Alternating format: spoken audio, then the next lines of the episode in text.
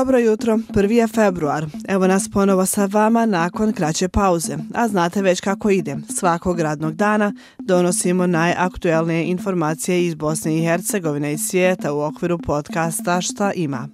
Ja sam Una Čilić, pa hajde da krenemo. One, two, three, Zamjenik generalnog sekretara NATO Amice Geoana danas stiže u posjetu Sarajevu. Između ostalog držat će sastanak sa članovima zajedničkog kolegije oba doma parlamentarne skupštine BiH. Ranije je predviđeno da se prvog dana posjete zamjeni generalnog sekretara i ambasadori zemalja članica NATO-a sastanu sa članovima predsjedništva BiH. Planirano je da delegacija NATO-a posjeti i vojnu bazu Rajlovac kod Sarajeva, gdje će, kako je navedeno, biti razgovora o praktičnim aspektima saradnje između BiH i NATO-a. Posjeta zamjenika čelnika NATO-a dolazi samo par mjeseci nakon što je Jens Stoltenberg, generalni sekretar Alijanse, u novembru prošle godine po prvi put boravio u BiH. Stoltenberg je tada rekao da su zabrinuti zbog retorike podjele i ruskog uticaja u Bosni i Hercegovini. Uh,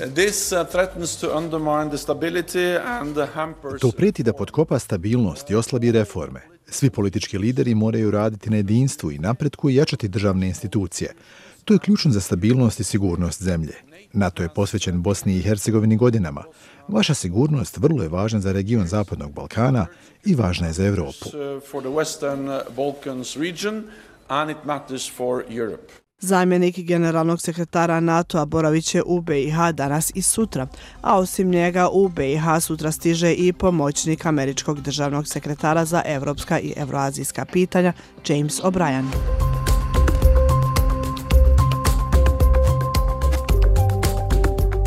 U Sarajevu danas sjednica vijeća ministara, ali i konferencija pod nazivom na putu evropskih integracija, izazovi u oblasti zaštite životne sredine, u organizaciji ambasade Francuske u BiH i Francuskog instituta u BiH. Učestvuju stručnjaci iz oblasti zaštite okoliša kao što je Charlotte Halpen, doktorica političkih nauka i saživačica u Francuskom centru za evropske studije i komparativnu politiku. Na konferenciji između ostalih učestvuje i pomoćnik ministra komunikacija i prometa BiH Zoran Andrić, a u fokusu razgovora biće važnost zaštite životne sredine u BiH u kontekstu njene perspektive pristupanja Evropskoj uniji. One, two, three, four.